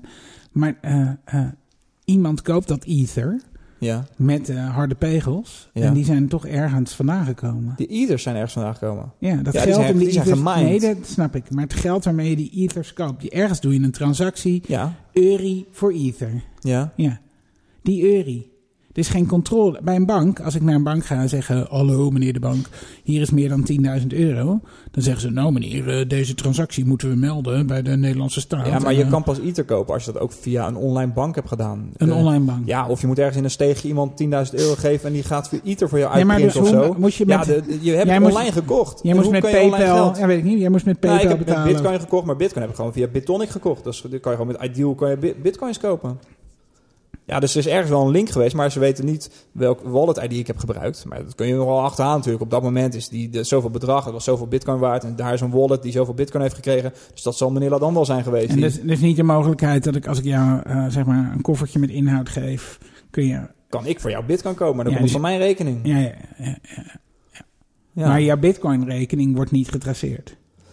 Eh, mijn Bitcoin-rekening wordt niet... Ja, maar dat is openbaar. Nee, maar dus je, iedereen zou het kunnen traceren. Zeker, maar ik doe. eh, Nee, daarom zeg ik, er kan in de, een verband worden gelegd in het verleden van... oké, toen heeft diegene eh 10.000 euro gestort naar Bitonic... en er is voor zoveel waarde aan bitcoins is er in een wallet verschenen. Nou, dat zal meneer dan wel zijn. Dus we weten vanaf dat punt... of ik heb ergens laten vallen, doe een donatie aan mij... en dan heb ik een wallet ID op Twitter het- gegeven... dan kan je wel misschien wel via een netwerk achterhalen. dus het is geen methode om, eh zeg maar zeggen, crimineel geld wit te wassen. Nee, er zijn wel genoeg voorbeelden al dat, dat eh, eh, eh, criminelen... het geld van criminelen is achterhaald in de bitcoin, in de blockchain. Ja, ja. Ja. En dan heeft de overheid ineens bitcoins geconfiskeerd. Dat heb je in Amerika gehad met Silk Road. Die hadden ineens bitcoins en die gingen ze ze verkopen. Ja, die hebben ze ook Ja, weer ja, verkocht ja. uiteindelijk. Ja. Aan criminelen. Nee, oké. Misschien ja. ja. Maar uiteindelijk is dit hele DAO niet een, eh, weer een nieuwe bubbel. Ik bedoel, het hele beleggen en eh, het virtuele waarde van zou alles. kunnen. Dat je, Het- misschien is het ook- uiteindelijk is de afstand naar wat is geld, dat is toch een vorm van arbeid vertalen naar een Ja, van ruilmiddel. Maar dat hebben we nu ook al met dollars en dat euro's. nog verder weg. eh, nog verder Het weg. enige verschil is met dollars en euro's is dat je daar je belasting in betaalt. Dus dat zou je altijd moeten houden. Of de overheid moet zeggen, je kan in, Nee, dat hoeft niet. in bitcoin... Ja, je moet je belasting ja, in euro's nu nog, betalen. maar uiteindelijk zou Ja. dat natuurlijk niet hoeven. Nee, misschien niet. En dan wordt het een echt, echte currency. Ja. Ja. Ik vind het eh, interessant. En dan zijn we toch weer terug bij die VVV-bonnen, eh VND-bonnen van Joost. En want uiteindelijk, als het niet lukt, dan zit jouw geld opgesloten in een Ja. soort waardeloos token. Ja, Ja, zeker. waar je nog eens naar kijkt en denkt. Ja, niet zelfs. Ja. Nee. Nee? Heb je geen Nee. printje gemaakt? Nee, ja, je kan een paper backup maken. glitch, Laurens de Knijf.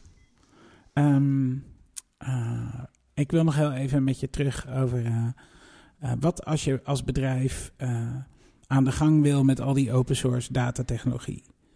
Hè, jullie met Clever Lines adviseren bedrijven ook in het opzetten van dat soort teams. En hoe kun je daarmee aan de slag? Wat heb je dan eigenlijk nodig?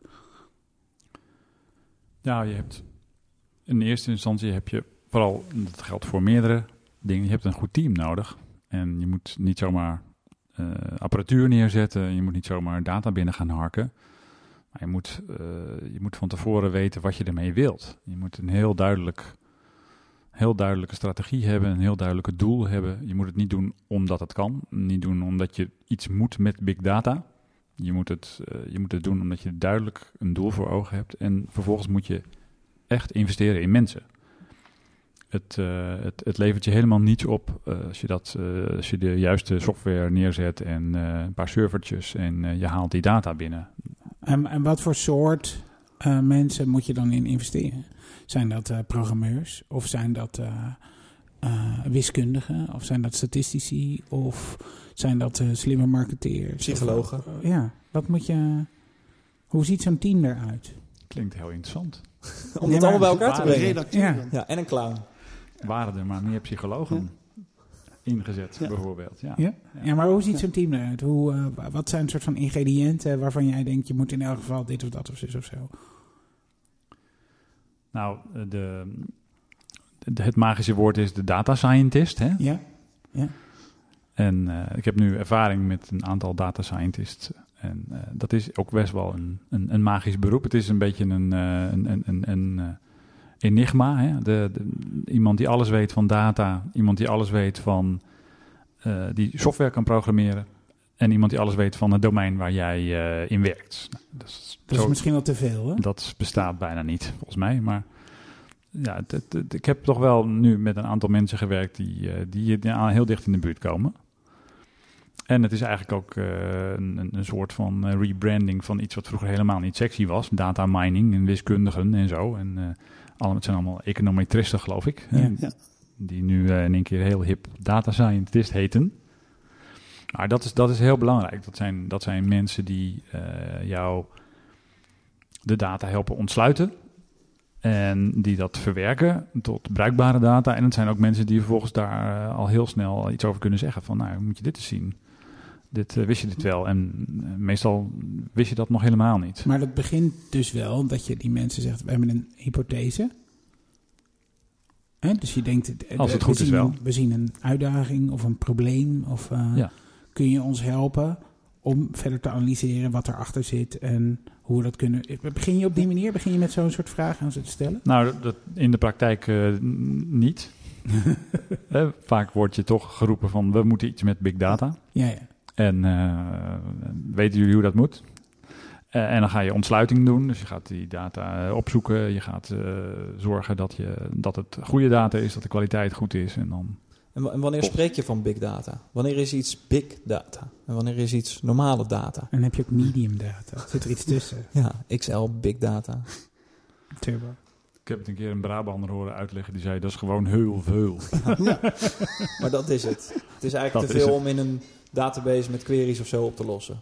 Ja, het vereist, eh, het vereist wel bepaalde software eh, die nu heel eh, goed voorhanden is. Eh, de, de allerlei eh, nieuwe vormen van opslag die eh, heel veel tegelijk kunnen verwerken. En Maar, maar big data is toch eigenlijk alleen maar een label wat meer iets zegt over een trend. Het gaat toch niet per se over de volume van de data. Het is toch een combinatie van, eh, eh, eh, zeg maar, Hadoop-achtige infrastructuur. En eh, ik weet er niet zo heel veel van hoor, maar... Je Eh, zegt gewoon iets. Nee, nee, ik zeg niet iets. Ik snap het wel. Het is een combinatie van, zou maar zeggen, een, eh, eh, een operating system, een omgeving waar je dat soort queries op kan loslaten. Het is het feit dat je datastromen eigenlijk heel makkelijk via het internet in de cloud opeens eh, beschikbaar hebt en daarin kan laten lopen.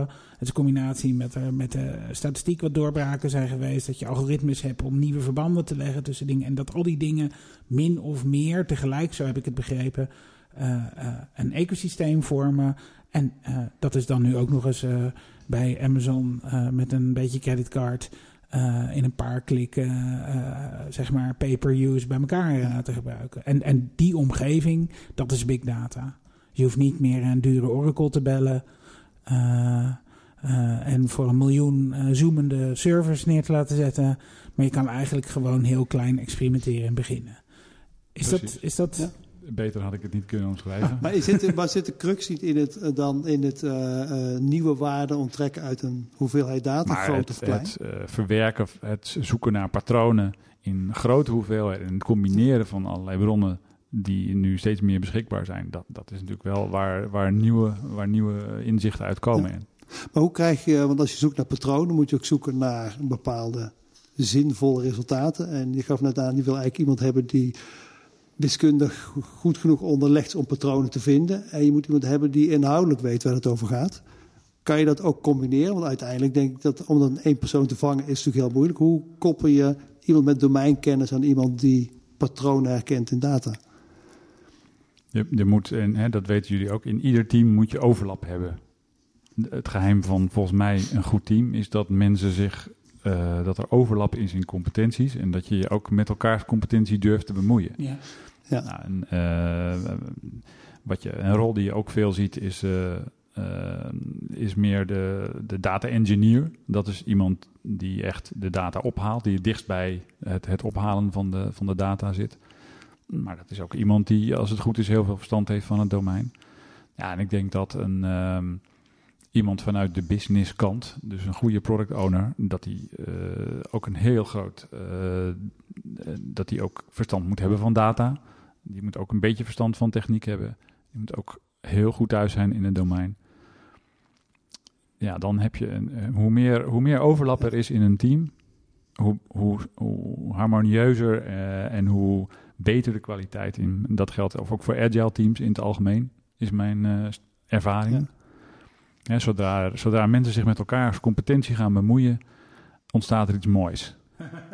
Dat is mijn Maar ervaring. als het op een gegeven moment heel complex wordt, kunnen. Maar ik ken ook wel heel veel voorbeelden waar wij dat tot een Nou, als, ruzie... iedereen, eh, als iedereen op zijn eilandje blijft zitten, dan ontstaat er ja, nooit iets moois. Ja. is. Ontstaat en, er eh, geen, geen elektriciteit, Ja. geen magie. Nee, als je iets heel moois wil creëren, bestaat er altijd het risico dat er iets heel slechts ook uitkomt. Gelukkig. ja, dat is die, hè? Ja. Maar ik denk dat de kunst wel is om het op een gegeven moment kan het natuurlijk zo complex worden, wat voor mij in de financiële wereld is gebeurd, dat het gat tussen de complexiteit van de wiskundige formules zo groot wordt dat het bijna niet meer uit te leggen is aan iemand die daar oppervlakkige kennis van heeft.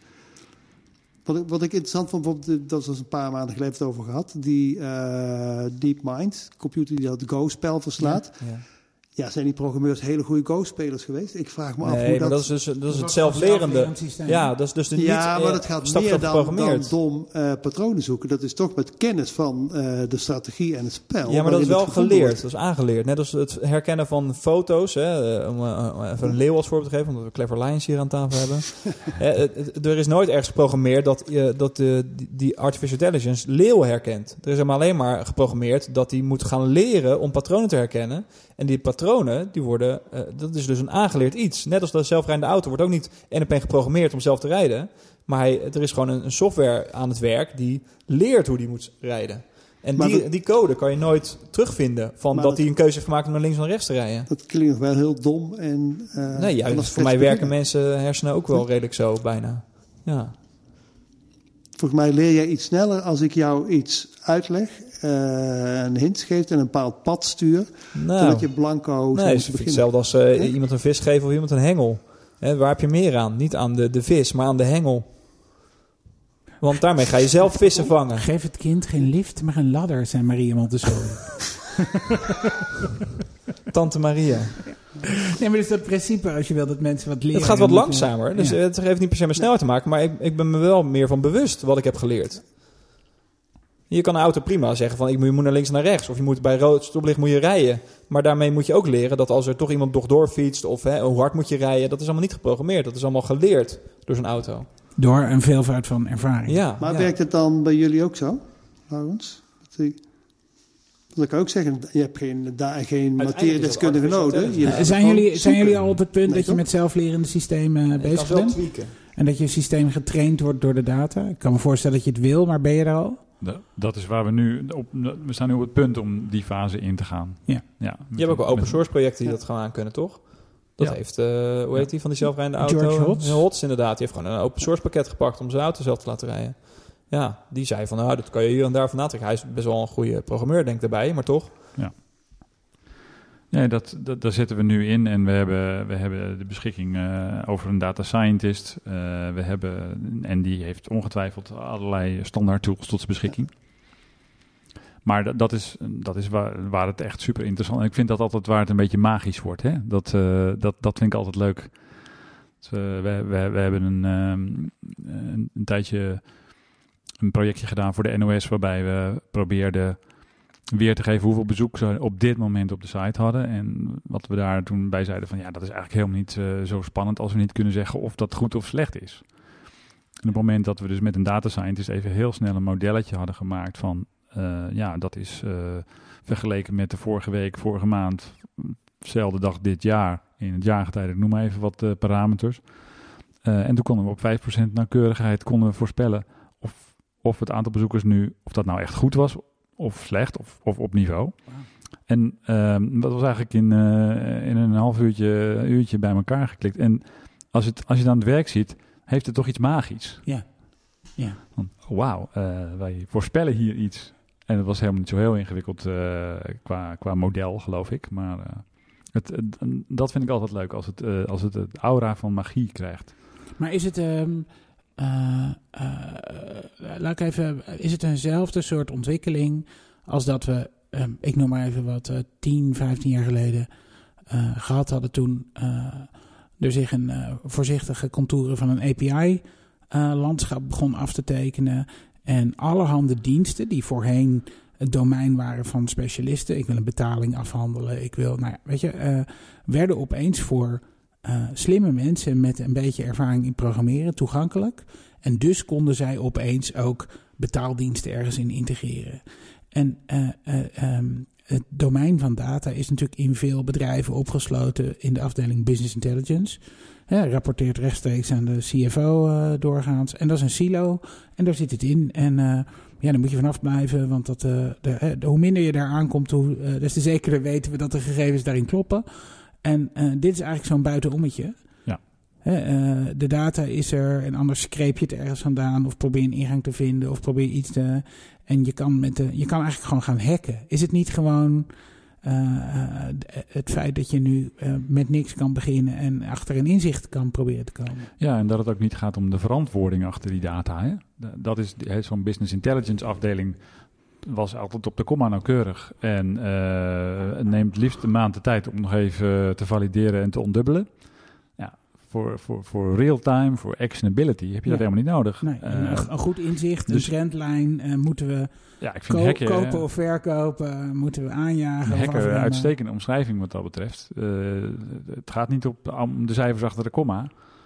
Het gaat om het inzicht. Het gaat dat je snel beschikbaar hebt. doen. Snel, ja. En liever nog een keer over vijf minuten nog een keer testen. En dan weten we voorbij moeten te stellen. Want hoe vaker je dat laat lopen. Ja. Ja. En of het, nou, eh, of het nou helemaal ondubbeld is en eh, geverifieerd. En eh, dat, het moet ook geen currency zijn, denk ik. Zo'n zo'n zo'n verantwoording. Currency als in. Iets waar je, waar je keihard op wordt afgerekend. ja. En wat, we bij, eh, wat, wat je bij de publieke omroep ziet, is dat kijkcijfers en keiharde currency. Nou, daar wordt ook heel nauwkeurig naar gekeken. En eh, die worden ook niet zomaar even vrijgegeven. Er zijn allerlei eh, officiële pakketten voor. Maar gewoon, want daar moeten ze verantwoording naar de overheid, geloof ik, zelfs over Precies. afleggen. Over, precies. kijk, we hebben in de categorie educatie. hebben we weer zoveel minuten met zoveel bereik. en Met zoveel, dat is gewoon waar het geld op binnenkomt. Ja, en dan gebruik je de data voor een hele andere functie. En die is ook niet geschikt om, om actionable in te zetten. Nee, en dan wordt het politiek. Want dan moet je ook scoren. Dus dan wordt er misschien wel wat. Dan kunnen ze opeens het bonnetje niet meer vinden. Ja. Dan halen ze Sylvana Simons erbij. ja. Wat is de grootste next step voor jou? Voor, zeg, we zijn een tijd bezig. Wat wordt, wat wordt de vervolgstap die je gaat maken? Ja, ik denk dat wij voor ons, eh, voor ons als bedrijf is het eh, de stap naar de andere kant van de oceaan. Daar, eh, onze markt is toch vrij klein in Nederland. We opereren nu in Nederland en België. Maar dus duidelijk, de, de next step is duidelijk, denk ik, de andere kant van de oceaan. Om daar mee de boer op te gaan. En anders de, de, de Blendel-tactiek. Eerst naar Duitsland en dan de oceaan over. Ja, wie weet. We hebben, we hebben de, denk ik de beste contacten in de VS. Oké. Ja, en, en niet in Duitsland, volgens mij. Wordt hier En- niet vanuit de politiek enorm naar gekeken? Dat hele verhaal, de successen van Trump. eh, Trump eh, bedoel, hiermee kan je natuurlijk ook je verhaal om hem vanuit een politiek oogpunt proberen in de picture te Ja, krijgen. moet je het dan niet bij Ja? politieke partijen gaan wegzetten voor hun blogs Ja. en zo? Ja, Het is meer dan alleen maar journalistiek. Nou ja, dat, dat, dat brengt me op een ander onderwerp. Mijn persoonlijke ambitie zou zijn, meer ook een, een persoonlijke interesse die ik eh, bij de VPRO ooit heb opgedaan, is dat je, en wat, waar we het nog steeds over hebben, zijn eigenlijk, is het, is het meten van impact in de definitie van eh, bezoekers van mijn website, of desnoods consumptie van mijn website. Maar dat is het uiteindelijk niet waar je het voor Nee. doet. Misschien gedragsverandering jullie- of zo. Wat jullie net al zeiden, van ben je een kok om mensen lekker eten te Ja. geven, of ben je een kok om Een goede om avond. de wereld een beetje beter te maken. En eh, dat vind ik zelf heel erg interessant. En die, die kant zou ik eh, bijvoorbeeld heel graag ook willen gaan onderzoeken en ondersteunen vanuit, vanuit onze technologie. Om bijvoorbeeld wat meer eh, ja, de kwalitatieve metrics eh, te gaan opzoeken. Dat lijkt, me, dat lijkt me echt enorm interessant. En daar is volgens mij ook eh, enorm veel te winnen. Dat, hè, we, we pakken vaak de makkelijkste te meten dingen erbij, omdat die nou eenmaal er zijn. Maar in wezen moet je die niet meten. In wezen moet, je, moet je meten van, hè, zoals Steve Jobs altijd zei, did I make a dent in the universe? Daar doe je het voor. Daar, daar doet in wezen ieder bedrijf het voor. En eh, Maar, oh, hoe meet je die nou? ja, hoe meet Ja, je Shell nou? niet hoor, denk ik. Shell doet dat niet. Je wil een olie verkopen. Er zijn genoeg bedrijven die dat voor mij niet hebben. Toch? Om- omdat we het verhaal over Sylvana Simons hebben aangejaagd, is het vertrouwen in Nederland in de politiek nu toegenomen of afgenomen? Ik bedoel, even, ik maak het heel plat, maar is dat wat je bedoelt? Nou, precies. Eh, als dat, nou ja, het hangt er vanaf of dat Sylvana's doel was, bijvoorbeeld. Hè? Als, we, als zij. eh, Nee, Ja, of het doel van de wereld daardoor maar uit te nodigen. Of het doel van de NOS om eh, berichten, Ja. een soort van eh, de, de democratie, volgens mij hebben ze in hun waardemissie iets staan over Ja. het bevorderen van de democratie eh, met een openbare berichtgeving, zoiets. Ja. dus heb je dat doel dan Het gediend? laten winnen Ja. van Ajax in de, Ja. de competitie. Ook Nou, de dat, dat doelstelling van de NOS. zou in dit geval nog best wel eens heel confronterend kunnen worden, toch? Hebben we, hebben we de juiste berichtgeving Ja. eh, over de democratie? Hebben we de democratie hier gewoon mee geholpen?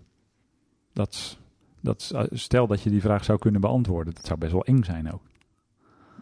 Ja. Of verhelderend. Of dan weten we eindelijk een Ja, beetje. Dan kan je een richting bepalen als NOS zijnde. Ja, wil je dat? Ja. Ja.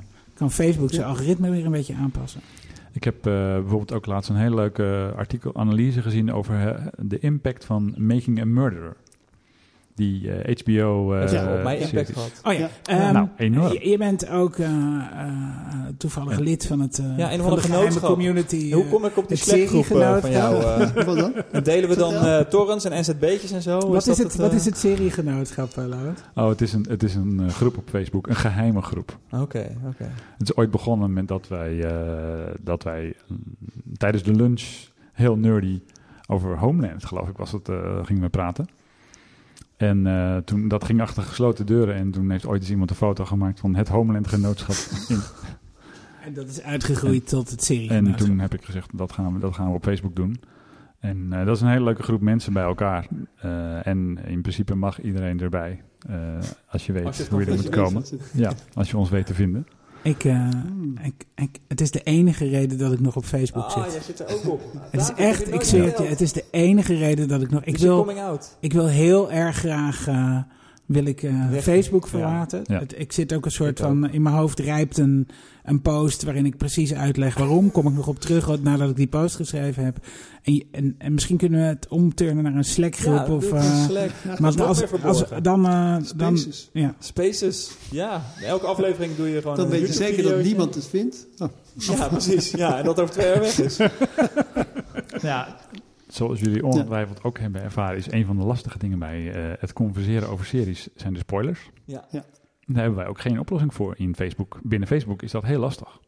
Ja, terwijl Binnen echt een community sites, ook bijvoorbeeld Game of Thrones, hebben een speciale optie dat je echt spoilers neer kan zetten en zo. Ja, in, eh, in Slack zou je een kanaal eh, Ja. spoiler kunnen doen. Of, Ja, eh, ja. De HBO-site zelf heeft geloof ik een spoiler on-off knopje. Mm, waarbij ah, dat je als je binnenkomt meteen al kan zeggen van doe maar aan of uit. vind ik geniaal. Dat, dan begrijp je Ja. ook echt je community. Hè? Dan, Ja. dan, dan weet je ook van ja, Ja. er zijn hier. En dan snap je dat iedereen op zijn eigen moment tegenwoordig... Aan de andere kant ook weer niet, want HBO had het eind vorig seizoen bij Game of Thrones gewoon groot uitgepakt met interviews met de belangrijkste acteur die, eh, nou, waar best wel wat mee gebeurde in de laatste aflevering van seizoen 5. Game of Thrones. Dus iedereen die ook in Amerika langs de kios liep, die wist precies wat aan het eind van Game of Thrones gebeurd was. Dat vond ik wel heel raar. Maar goed, dat is misschien een hele andere discussie. Oké, laten we even teruggaan, want eh, eh, we zijn een heel mooi zijpad eh, ingeslagen. Gaan we even terug naar de hoofdroute. Making a Murderer bracht een inzicht. Ja, wat ik heel interessant vond aan eh, Making a Murder is dat het een enorme impact heeft gehad. Ja. En dan bedoel ik dus niet kijkcijfers, Nee. die we niet weten. Mhm. Bij, eh, bij Netflix, die publiceert daar niet over. Nee, waarom zouden ze? Ja. Eh, dus hebben ze ook geen reden voor. Dat vind ik ook heel goed eigenlijk. Eh, maar wat je wel ziet is dat, eh, er heel, er, dat het een enorm engaging topic werd. Hè? Waar iedereen het rond de kerst en verder zijn, zijn hele vakantie mee heeft Ja. kunnen doorbrengen. En, we, en, er, en daarna de media er opsprong en er steeds meer informatie naar boven kwam over hoe die documentaire tot stand is gekomen, over wat er nog meer gebeurd is, wat de documentaire misschien niet in beeld heeft gebracht. En wat heel interessant was, is dat je zag dat de, de publieke opinie enorm is verschoven over eh, Making a Murder. Van, van totale verontwaardiging naar van, oh, misschien heeft hij het toch wel gedaan. En ja? Oh, dat heb ik uiteindelijk, al Ja? niet meegekregen bijvoorbeeld. ja, Nee. de, de, Spoiler. de, de sentimentanalyse eh, aan het einde, ik geloof in februari, was eh, dat 70% vond hij is toch schuldig. Oké, ja, ik heb eh, de Amerikaanse media niet over gevolgd. Dus er waren dus wel echt dingen naar boven gekomen die niet in de documentaire echt duidelijk zijn geworden of zo. Ja, en eh, de New York Times heeft zich erop gestort. Oké. Eh, en eh, dan, dan komen er niet zomaar wat bronnen naar boven. Dat, en er zijn heel veel nog extra dingen naar boven gekomen die in die documentaire gewoon klakkeloos zijn weggelaten. Ja, en dat Ja. die toch wel een ander licht op die hele documentaire hebben doen schijnen. En dat was een super interessante case om te zien eh, sowieso hoe zo'n documentaire impact heeft gehad op eh, misschien wel eh, andere closed cases. Ja. Misschien heeft het wel impact gehad op de rechtspraak. misschien heeft het wel impact gehad op de presidentsrace. Dat zou ik super interessant vinden om dat in beeld te kunnen brengen. Het is dan wel een soort van ehm, bijvangst, zou ik kunnen zeggen. Want ik kan me niet voorstellen dat het doel is geweest van de makers om die impact te realiseren. Nee, die hadden gewoon een mooi verhaal te pakken. Ja, die zaten natuurlijk ook in een spagaat van als we dit wel in de documentaire vertellen, dan hebben we een heel sterk, minder sterk verhaal. Ja. Hey, en, nog, en, en wat zou je dan willen eh, leren? De ingrediënten, hoe een, hoe een verhaal zo engaging wordt? Is dat het, het geheim van een goed verhaal? Is de data de onderbouwing voor iets met een begin, een midden, een held die iets moet overwinnen? Ja. Ik weet niet. Nou, ja, de uitdaging is, hoe meet ik de zeitgeist? Hoe meet ik dat überhaupt? Dat Ja. zou ik, eh, en daarom eh, moest ik er ook aan denken toen jullie over politiek begonnen. Ja, dat, zou natuurlijk, dat zou natuurlijk fantastisch zijn als je, de, als je een thermometer in de maatschappij zou kunnen steken en zeggen van, nou, eh, we doen het zus en zo. En is er in Nederland iemand die daar denk je het antwoord op weet? Kunnen we daar in dit, zijn er in dit land nog mensen? Want dan kunnen we daar eens mee praten in deze podcast. Ik weet dat de mensen van Cousteau, van die eh, social monitoring tool, dat die daar zeker mee bezig zijn. Die zijn nu al eh, bezig met sentimentanalyse van social media. Eh, ze zijn volgens mij ook bezig met het analyseren van offline. Ja. Wat je dan sowieso moet doen. Dus Nou, dingen als Moeten we, moeten we daar eens met hun... eh, LexisNexis bijvoorbeeld. Ja. Hè? Hoe vaak word ik genoemd in een, in een krant of een Ja. tijdschrift? Ja. Dat soort dingen zijn ze volgens mij mee bezig. Eh, en, en dat is ook de kant die je op moet. Je moet offline en je moet eigenlijk ook eh, panels, interviews, eh, dat soort dingen moet je ook gaan doen. het nieuwe Nipo. Ja, en dan heb, je, dan heb je een combinatie van data waarmee je echt iets kunt zeggen over totale impact. Wauw. Ik vind het eh, super interessant, Laurens. Echt leuk dat je er was en dit allemaal met ons wilde delen. Vond ik ook. Ja, dankjewel. Bedankt. Ehm, dit was Glitch. En We werden deze week gesponsord door eh Ide Spiekerman. Ehm, we proberen over twee weken weer te zijn met een nieuwe gast. En eh, tot dan. Doei. Doei. Doei. Glitch.